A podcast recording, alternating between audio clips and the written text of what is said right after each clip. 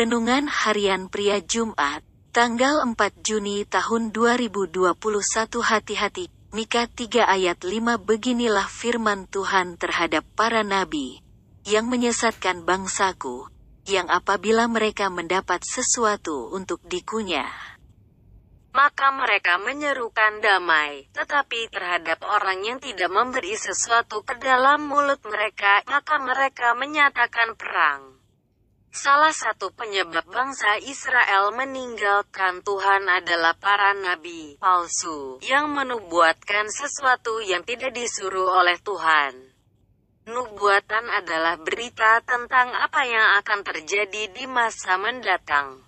Nabi palsu adalah memberitakan tentang masa depan, tetapi beritanya itu tidak terjadi juga para nabi palsu itu tidak memberitakan pelanggaran dan dosa yang dilakukan oleh bangsa Israel.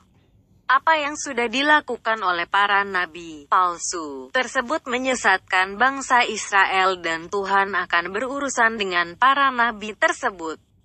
Yesus juga mengatakan kepada murid-muridnya bahwa banyak nabi palsu akan muncul dan akan menyesatkan banyak orang menjelang akhir zaman. Begitu juga dengan Rasul Petrus dan Yohanes juga mengingatkan jemaat Tuhan agar mereka berhati-hati dengan munculnya nabi-nabi palsu.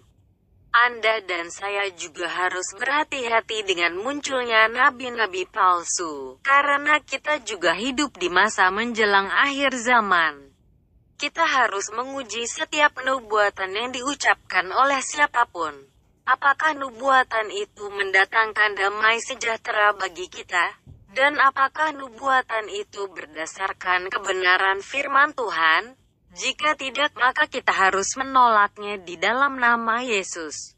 Kamu berasal dari Allah, anak-anakku, dan kamu telah mengalahkan nabi-nabi palsu itu, sebab roh yang ada di dalam kamu lebih besar daripada roh yang ada di dalam dunia.